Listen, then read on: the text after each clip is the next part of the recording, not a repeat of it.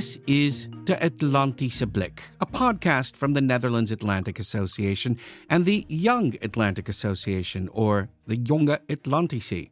My name is Jonathan Grubert, and this episode is a fascinating and timely conversation with Heather Conley. Ms. Conley is president of the German Marshall Fund of the United States. She's also the author of A Marshall Plan for Ukraine this was an online conversation with Bob Deen, Senior Research Fellow and Head of the Security Unit of the Clingendael Institute, and the talk was moderated by Netherlands Atlantic Association Director Anna van Zoest. They talked about, amongst other things, the American role in rebuilding a post war Ukraine and what are the current broad questions related to transatlantic security cooperation in light of next year's NATO summit and, of course, the 2024 U.S. presidential elections. So, with no further ado, here's Anna van Zoest. With me in the studio is Bob Deen. Bob is the head of the security unit at the Clingendael Institute and coordinator of the Clingendael Russia and Eastern Europe Center. And on the other side of the Atlantic, we are connected to Heather Conley. Heather is the sixth president of the German Marshall Fund. Since January 2022, and she previously worked for the Center for Strategic and International Studies as a senior vice president for Europe, Eurasia, and the Arctic. And she served as deputy assistant secretary in the US State Department with responsibility for relations with Europe. And Heather, you are also the author of the report A Modern Marshall Plan for Ukraine Seven Lessons from History to Deliver Hope. And that's what we will be discussing today. And Heather and Bob, it's a pleasure and it's an honor to have you both with us today in what is a very important week for Ukraine, including a visit of President Zelensky to Washington, deliberations in Brussels later on this week on accession, on a new support package, decisions which will have a huge impact on Ukraine and on the Ukrainian people.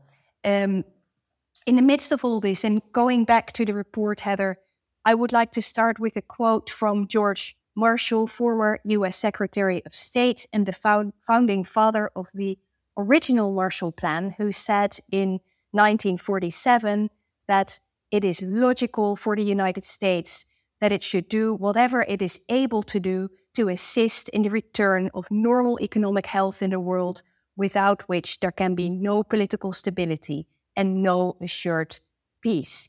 And Heather, do you feel that this statement applies to the responsibility of the United States towards Ukraine? And how has it inspired your report? Well, Anna, thank you so much. And Bob, as always, great to be with you. Thank you, uh, first and foremost, for having this conversation.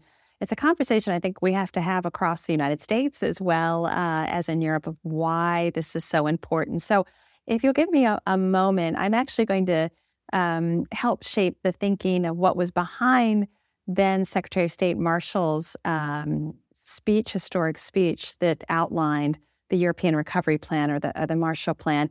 And, and I want to re- emphasize look, this for the United States, uh, the American people did not want to to to invest in, in the Marshall Plan when Marshall gave a speech. In fact, there was a lot of uh, anger against it. It wasn't a well noticed speech. And what had to happen is the Truman administration at senior levels go out across the country to convince the American people of why it was in America's interest to do uh, to to invest in Europe. So I think it comes back to what I call this 1947 to 1949 moment. So we're really having this incredible set of important 75th anniversaries. But I, I feel like it was the 20th century's generational inflection point where the United States had to decide whether it was going to remain externally engaged or after exerting itself globally, it would come back home and return to isolationism, which we had certainly done after every sort of major foreign excursion. And that's what made the Marshall Plan so unique because it was a decision to remain externally focused and to invest in our allies and partners so that the United States would not lose the gains that it had made in the Second World War. And of course, the sacrifice, the enormous sacrifice that uh, we all had uh, and the devastation from that. But it was something that, again, the Marshall Plan was an investment in prosperity to protect democracy. And then a year and a half later, NATO was founded, and we needed a security umbrella to protect that. I feel like we're seeing in the 21st century with Ukraine the exact same pattern. But the question is for the United States, will it make a decision to remain externally engaged to ensure uh, the gains that it has made to protect America's prosperity and security, or will it turn inward? So if we invest in Ukraine now, it will protect its democracy, eventually bringing Ukraine into NATO to ensure its security. That is an act of self interest for the United States. I would argue for Europe. The Marshall Plan wasn't charity, it was a strategic investment. And we see 75 years later who are our most important trading partners? Europe. Who are our most important security partners? Europe. That's the investment that paid off. But over the last 30 years, policymakers and political voices have only seen America's allies as a burden. You're not doing enough. It's a ripoff, it's free riding, and we have failed to underscore the benefits of that strategic investment. So we have to do this again and, and, and really explain the benefits to all of our citizens economically and, and from a security standpoint. Because if Ukraine is unsuccessful, you think we're paying a lot now, we are going to pay so much more in the future with more forces, uh, less economic security. So this is what's at stake. But unfortunately, we're far behind in the communication of what's important, what's at stake, and what are the consequences if Ukraine is unsuccessful. Thank you, Heather. And, and Bob, um, under the original Marshall Plan, the United States invested nearly 13 billion US dollars in the mm. European economy. The Netherlands received about 1 billion, not an insignificant amount. Um, you have a personal connection with the Marshall Aid. Can you tell us more? Yeah, no, thank you. And also, Heather, indeed, good to uh, good to see you again. And thank you for taking the time to speak with us about this important plan.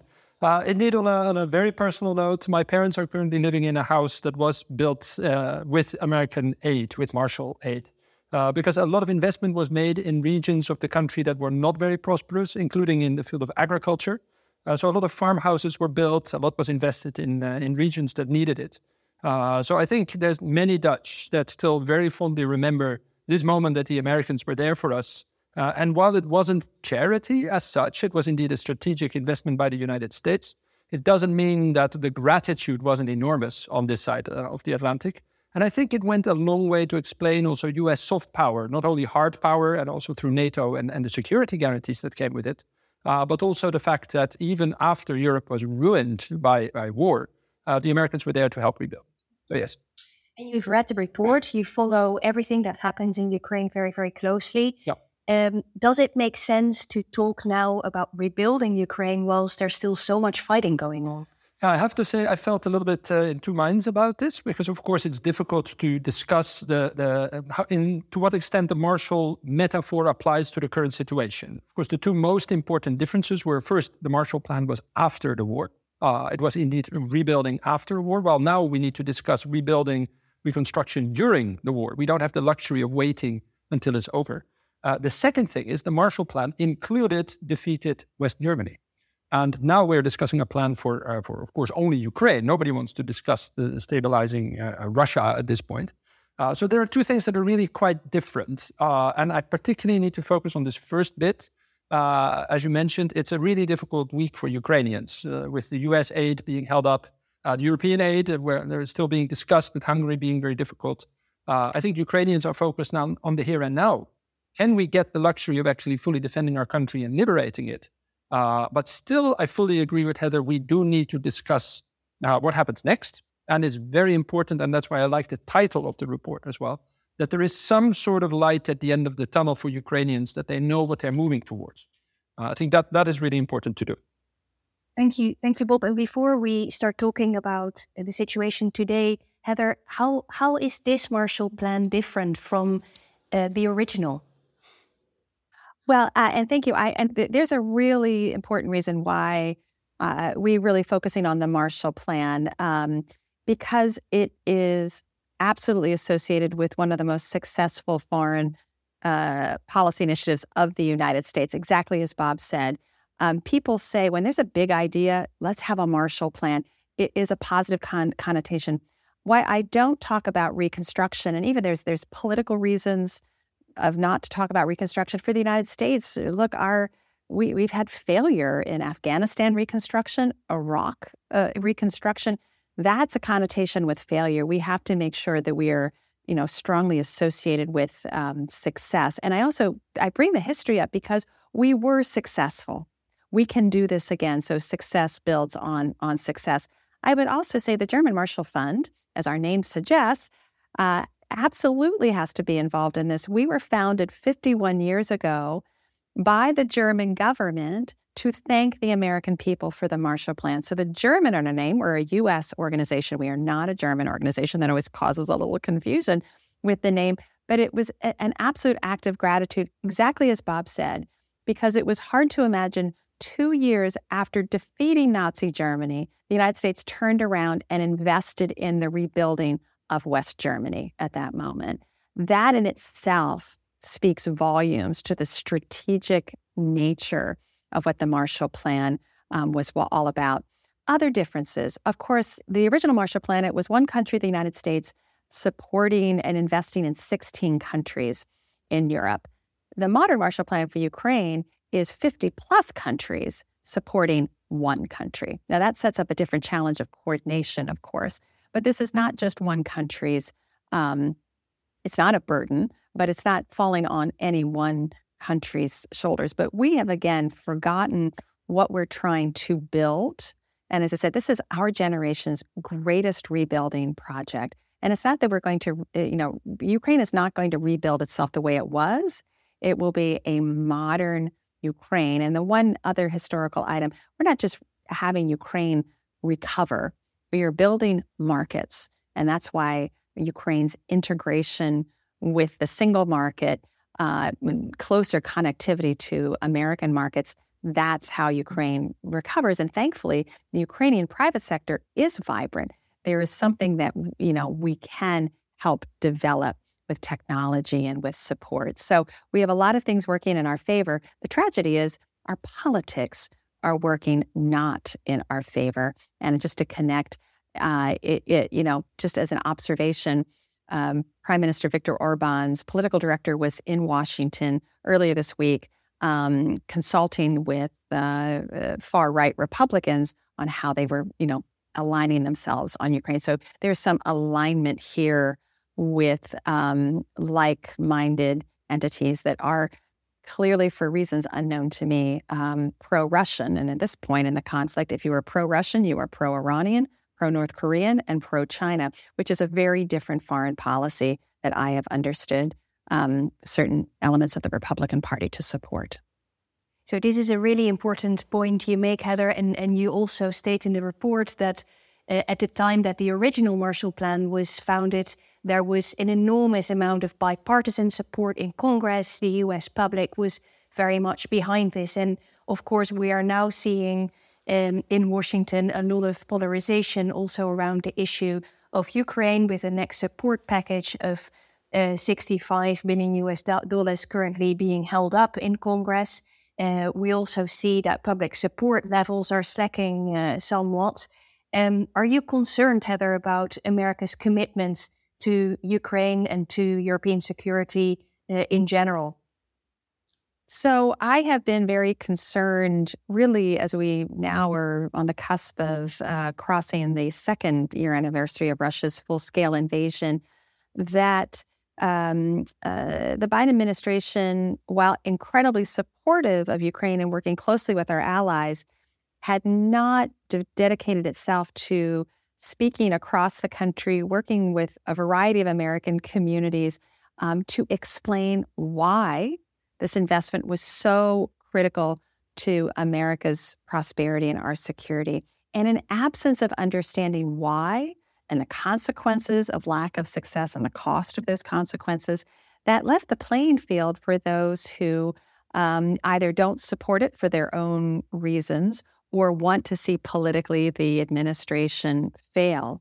Um, and so, what what the last few days here in Washington, what was very clear, and this was I, I you know, President Zelensky did a valiant job being clear and, and focused on, on what was important, this stopped being about Ukraine. The conversation in Congress is about uh, U.S. border security and the failures of decades of immigration reform, which they, you know, are, are the political parties are trying to foist some decisions on it. And of course, Ukraine, not only Ukraine and Israel, uh, and even Taiwan are collateral damage to that domestic uh, issue.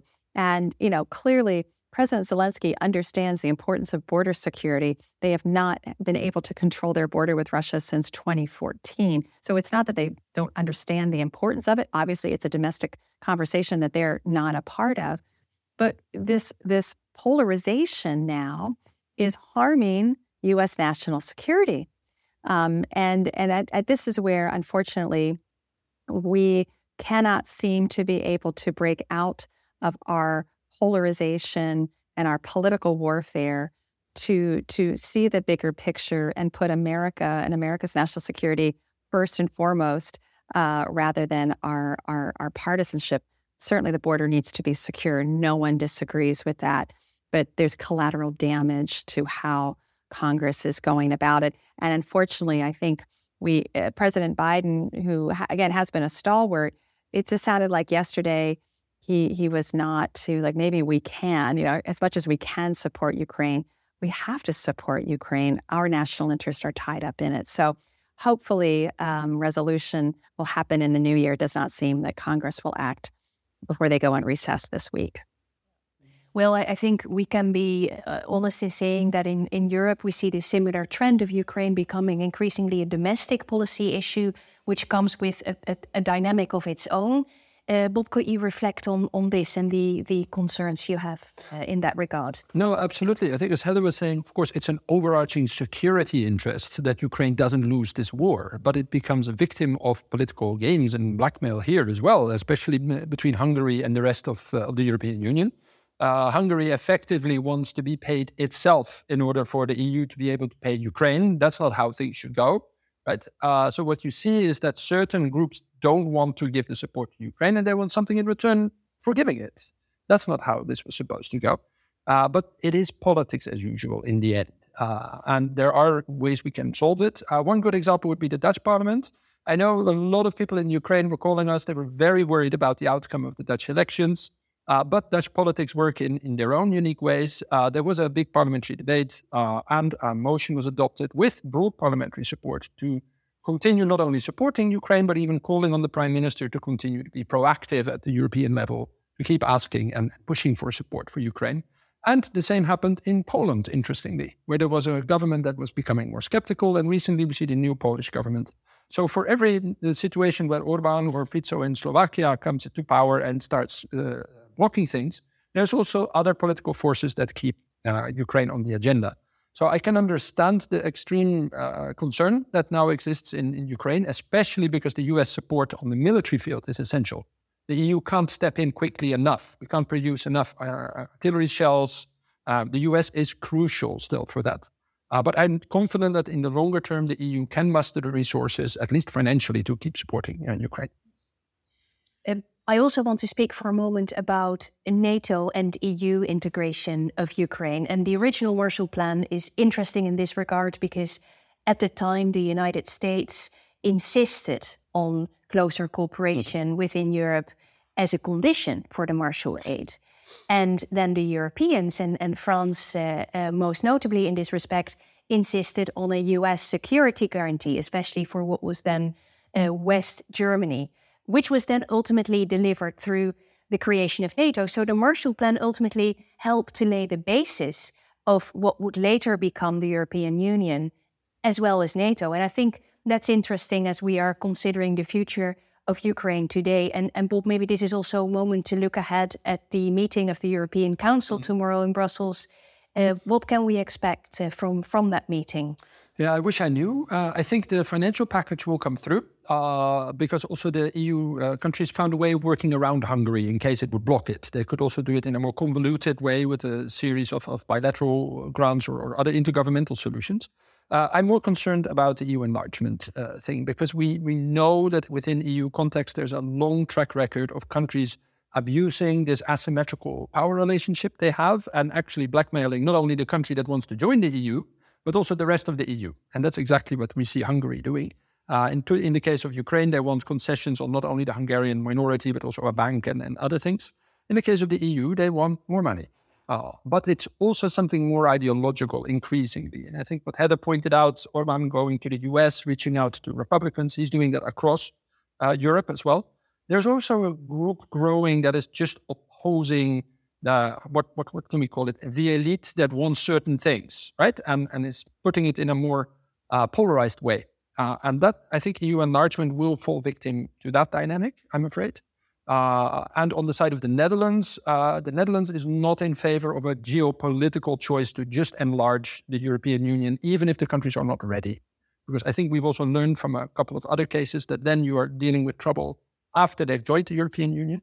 Uh, so I think the EU enlargement, we need to be honest to Ukraine. That is going to take an extremely long time, not only because Ukraine needs to be ready, but also because the EU needs to be ready and to reform. So I'm afraid that uh, on that front, the Ukrainians might get still a political signal that accession negotiations can be opened, but they should be in it for the long haul. It's a very long and transformative process, uh, and no quick fixes. That's a, that's a clear message. Uh, Heather, um, next year, another big NATO summit in Washington. We are uh, coming out of the previous summit in Vilnius, Lithuania, uh, where uh, Ukraine very much uh, uh, hoped for a path towards NATO membership. What can we expect from next year's summit in Washington? Uh, thanks. And I just just to pull on Bob's comment on the the European Union again, just to go back to the original Marshall Plan, I'll just reemphasize this: it was not to help 16 countries recover and reconstruct; it was to create a single market. And you're absolutely right; it was the policy. Really, the Marshall Plan was the beginning impetus of the European Union and founding the single market in, in many respects. And I think we have to think about that as well. But having said that, Bob is absolutely right Ukraine's membership in the European Union will transform the European Union as it understands itself in common agricultural policy, regional and cohesion funds. But that's what makes it geopolitical. Uh, and so this is this is the irony of that. Politically not ready, uh, but will be the most in, important and consequential development is is in its enlargement. So it, it's fascinating. But having said that, what we may see in the first time in in uh, enlargement is that the European Union may come before NATO, and usually NATO enlargement has always either uh, precipitated or happened at the same time. Thinking of the Big Bang enlargement um, in 2004 with Central and Eastern Europe. So we may have a point now where NATO isn't going to be the first one, or in in combination that the EU will take some steps and I agree, these will be measures to at least integrate what they can integrate Ukraine in with absence of, of full membership. So at the Vilnius summit, obviously that was a strategic communications complete failure uh, related to the communique language on Ukraine. Um, you had divisions within the alliance. Two countries, the United States and Germany, uh, had opposed uh, a more forward leaning signal um, and then, of course, you had the famous President Zelensky tweet en route uh, to to Vilnius um, that uh, was certainly, um, you know, again a, a, very a very divisive moment. I think we still have the exact same conditions as we head into Washington. We the alliance is divided. Um, and and but I, I believe you know I, the Ukrainian government understands that uh, while they have submitted their request, they, the Ukrainian military will be the most, one of the, if not the most capable European military uh, through this and at the conclusion of this war, that NATO isn't yet ready for Ukraine. Um, and uh, what I'm hoping for the Washington summit is that there's just crisp, clear, forward leaning language that continues to say and, and to, to make sure that no other country has a veto over this membership and, you know, you can't have a veto by the back door because we have leaders who are afraid. They are afraid that uh, Ukraine's membership into NATO is a Putin red line that will go to nuclear conflict. That's a backdoor veto. and so it's just to make sure that all NATO members are ready to take this decision. It's a big decision, of course, but now you have through the G7 security commitments, you have almost all of the NATO members providing their own form of bilateral security guarantees. Again, they're trying to find these creative workarounds. It is so difficult to do this. So, but I think everything, everyone is mindful here. They do not want uh, Vilnius Part Two.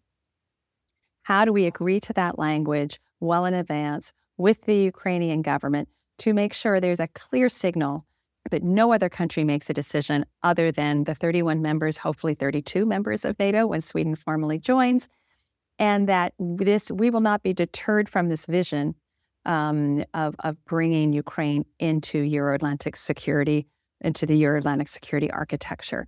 Whether we can get there politically four days before the Republican National Convention, which is when the NATO summit will be held, this hyper politicizes um, NATO. And uh, uh, my emphasis for the next nine months, and certainly GMF's emphasis, is to make sure that every American understands whether you're a Republican, a Democrat, an independent, non party affiliated, NATO is essential to every American's security.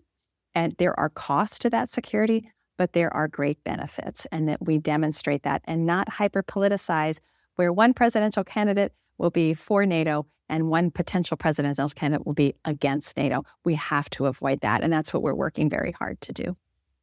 Thank you. And we'll get back to the topic of the US elections uh, uh, later on. But maybe first, a quick explainer. Bob mm-hmm. Heather men- mentioned the uh, G7 security commitments that are in the making what what are these commitments? Uh, it, it's a convoluted situation because it's uh, what Ukraine needs in order to really end the war is a security guarantee that Russia will not just come back a couple of years later. That's of course everyone's fear. That's also what we learned uh, about documents like uh, the Budapest Memorandum. That even if you say we will guarantee Ukraine's territorial integrity, it doesn't actually mean much.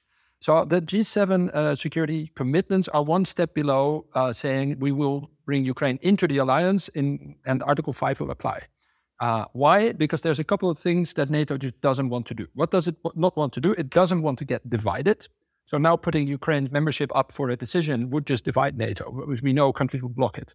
We don't want to give Russia the veto because Heather is completely right. So we don't even want to give Putin the chance to divide the alliance over these things. But we also want to avoid a direct war with Russia. Not just a question of direct nuclear uh, as, uh, blackmail, as, as Heather rightly pointed out, but countries are concerned that if you bring a country that is in an active conflict into the alliance, you immediately become a party to that conflict, a full party. So, this G7 security commitments are a way of, of uh, countries saying to Ukraine, we will be there for you, but usually they are linked in one way or another to a point that I do unfortunately have to make after the war. And that is something that is missing. I noticed indeed in President Biden's speech, we will support you as long as we can. That is quite different from we will support you as long as it takes. Uh, and that always begs the question, as long as it takes what? Because I think that's a major difference between Second World War and the current situation. Then it was an all-out war, in which case the aggressor was fully defeated uh, and occupied, actually. That is not an end of the war that we envision for this particular war. So it's going to be much more complicated uh, to also give the American people, the European people, and the Ukrainian people a sense of how this ends, an honest sense of how this ends. And that is my, my concern with also the G7. Uh, there is no clear message on how this will conclude. Uh, the Ukrainians have a vision, that is a very clear vision, uh, but the G7 is not fully behind reaching that outcome that Ukrainians want. I'd like to give you a chance to react to that, but, but maybe also another question uh, uh, to reflect upon, and that is the upcoming uh, presidential elections in the United States next year. Concerns uh, uh, in Europe about the future of the US security guarantee to Europe, the US commitment to NATO, uh, especially if there were to be a change in the White House. Um, is there anything you can say to comfort us? oh, Okay, you gave me a tall order on the comfort, but uh, let me uh, let me just uh, a few reflections from from Bob's uh, important uh, comments. Um, you know, I, I think we have to be um, extremely honest that we don't have the allies do not have a common vision of what this ends, and this has been the problem from the very beginning. The Biden administration has been very clear. Well, it hasn't been clear, but it has been I think, very pur- purposeful in saying that the assistance that the United States has provided is to put Ukraine in the best possible position to get to the negotiating table with Russia. The flaw with that is that there's never been a negotiating table to sit at because this is now existential for both. For existential for Ukraine to survive as a nation, and now for Vladimir Putin's survival, uh, his regime's survival. So that in itself was flawed. But you're exactly right. We don't have a, a vision, and this is where uh, the, some voices in Washington, Republican voices, they, they, I, I, I understand they don't understand what the strategy is. We'll continue, you know, continuing to invest is what is the what is the goal here? What are we trying to achieve? And then that gets back to to Bob's point of um, to to restore Ukraine's and territorial integrity to 1991 borders does mean the complete defeat of Russia in Ukraine. That's Crimea. That's you know removal of these illegally four annexed territories. And the fear, and you use me, you'll hear me use this word over and over again. Afraid, afraid, afraid. We cannot be afraid that the fear of inflicting a defeat on uh, Russia is too destabilizing. So we're we're basically seeking um, a, a, more stable frozen conflict, but that's not the situation that we are going to to have. So we do have a strategy problem, which does get back to the support for additional um, assistance. The one thing that President, President Zelensky has been asking for, well, two things. Um, the Ukraine needs more air defense. We would never, ever ask U.S. military to go into a conflict without total air superiority. Yet the Ukrainians are fighting um, eh, their counteroffensive without uh, air support. We and this this is tied to reconstruction. If you can't provide air defense, we just saw what happened in Kiev last night. Um, you have to be able, and that's where the security guarantee. At some point, you have to guarantee the Russian missiles can't keep destroying Ukraine uh, and increasingly using Iranian missiles, North Korean munitions, uh, in addition to to Russians. Um, and the, and the final point, I, I, promise I will get to the U.S. election part, but th- this is really important on the way to the to the U.S. election. Red lines. You know, it was a red line for Russia that Sweden and Finland to come into NATO. We, in some ways, these red lines, when they are met with clarity and with strength and conviction, I don't think Vladimir Putin wants to highlight a strategic failure. So I think we also we don't need to be I don't mean to be provocative. I but we have to be clear and show strength. And I often think we we're self-deterring ourselves because Vladimir Putin leans into that because he knows leaders a leader in the White House and other Europeans are afraid. He leans into that and we actually do his work for him. US election.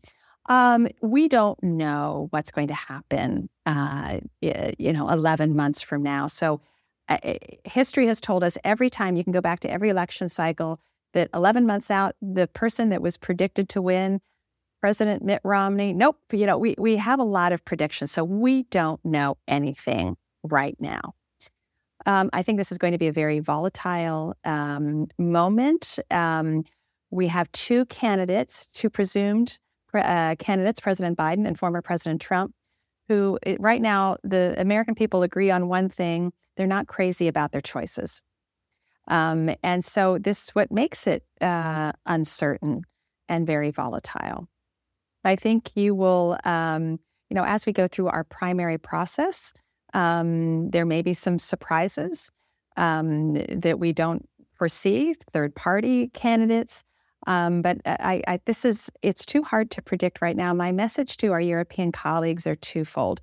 Um, number one, this isn't 2016. You will not be surprised. You will not be surprised if, if, if the former president returns back. Begin to prepare as best you can. That is strengthening your defense. That is strengthening your economy. You do that homework regardless of who's in the White House. That's really, really important. I also encourage all of our European partners and allies that the relationship with the United States is beyond the White House and beyond Washington. You have to get outside and, and work with states and governors and mayors and local leaders. We have to actually, I believe, rebuild the transatlantic relationship again from the bottom up to help people understand why it's an investment in our shared prosperity, our shared security. I think Americans don't acknowledge that Europe is our largest trading and investment partner because it's just part of us. We don't see it as different. We have to highlight the importance of this for every American citizen. I would argue the same thing has to happen in Europe. Um, we have to rebuild this for a new generation. It took us 30 years to get to a point where an American president threatened to withdraw from NATO. We have to rebuild this for a new generation to understand this importance. That's on all of us, all of us with our friends, our neighbors, our family members that probably disagree with us very, very much on all of these issues. That's the work that must be done. That will not happen strictly in capitals. That happens outside in rural areas, in agricultural communities with a new generation that, that may not agree on the agenda that we believe is important. Thank you. That's an incredibly important and powerful message.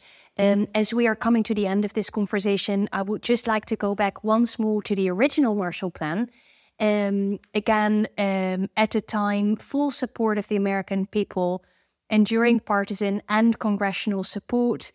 Um, here we we face a challenge in regard to Ukraine, and and maybe I can ask you both by means of a, a final question: What needs to happen for public support for Ukraine on both sides of the Atlantic to remain solid? Maybe Bob, you want to start, and then we'll go to to Heather.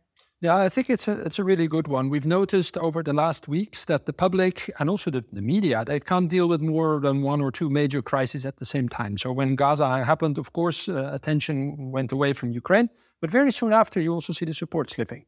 I think one thing that's really important, what we need to do is not only the classic keep it on the agenda. No, we need to have a better story on how we want this to end. I think I fully agree with Heather. If the public thinks that this is an infinite war, that we have no chance because Russia is anyway going to produce more weapons than we ever can, we talk ourselves into some sort of defeat, uh, defeatist uh, mindset. And Russia is enjoying this greatly and will amplify every single message that it can. I think a couple of things Heather said are really important. One is self confidence. Don't be too afraid. We've done a scenario exercise on possible futures of Russia. People were afraid of pretty much every scenario that we produced. It's not going to be pretty in any way, uh, but we just need to take this very soberly and be prepared and be honest about it. Uh, and also on, uh, towards the Ukrainians, we need to be honest uh, and we need to give Ukrainians a chance to keep also telling their stories uh, because they are very powerful stories. It was good that President Zelensky was in Washington, even if the receipt that he got was not the same as he had last time. Same should be here. We should keep listening also to uh, to Ukrainians because the worst that we can do, and unfortunately, I've been in this line of work also for a while. I remember us forgetting about Ukraine after 2015. Right? This war has been actually going on for a decade, not two years. Uh, and that's the worst that can happen to Ukrainians, that we just forget the conflict, there's just one of those things happening in the background while Russia is not going to go away. Thank you. Heather. Yeah, thank you. Uh, three points. Um, GMF is actually we're we're really living history. Um, we just started two weeks ago. We're going on a whistle stop tour for Ukraine. We're touring the country, the heartland, agricultural communities, helping people understand why Ukraine support is important for U.S uh, economic prosperity and for security, you have to help people understand why this support is important. And then I and then I like to add the consequences if Ukraine is not successful. So we all have to do this, and you, it, it seems enormous, but we have to get started. And we're so we're partnering. GMF is partnering with the Howard G. Buffett Foundation uh, to in order to do that. And Howard Buffett's doing amazing work to revitalize Ukrainian agriculture. So, you know, we have to start somewhere. We're going back to our roots.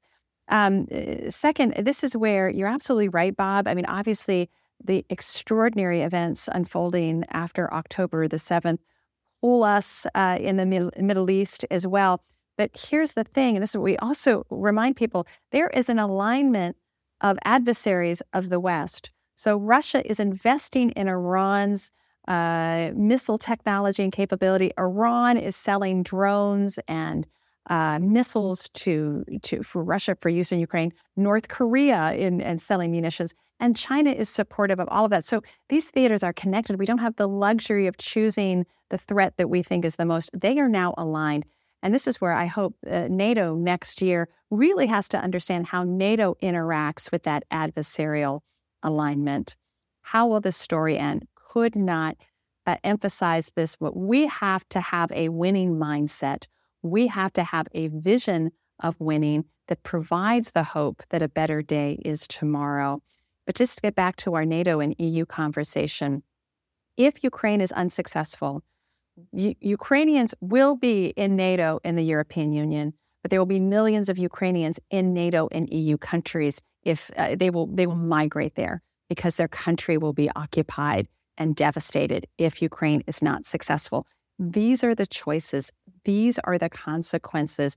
The cost, while high now, is so less in what the cost will be if Ukraine fails. This is why leaders eh, with a winning mindset and understanding why they we have to reinforce the the enormous human economic costs if Ukraine is unsuccessful. They are fighting for our freedom. We have to support them. They're not asking us to fight for them, but without their without support, this is going to fall on NATO borders fairly quickly, and that will be and massively uh, destabilizing. So we have a huge job to do. The Marshall Plan, 1947 to 1949, told us we can do it. We can do this again. It takes political leadership and, and a message of hope to the Ukrainian people that they will make it through this winter. It's going to be very, very challenging, however. Thank you so much, Heather Conley in Washington, Bob Deen here in The Hague. Thank you. Thank you. That was a conversation with Heather Conley, president of the German Marshall Fund of the United States, in an online conversation with Bob Deen, senior research fellow and head of the security unit of the Clingendael Institute, and the Netherlands Atlantic Association director, Anna van Zoest.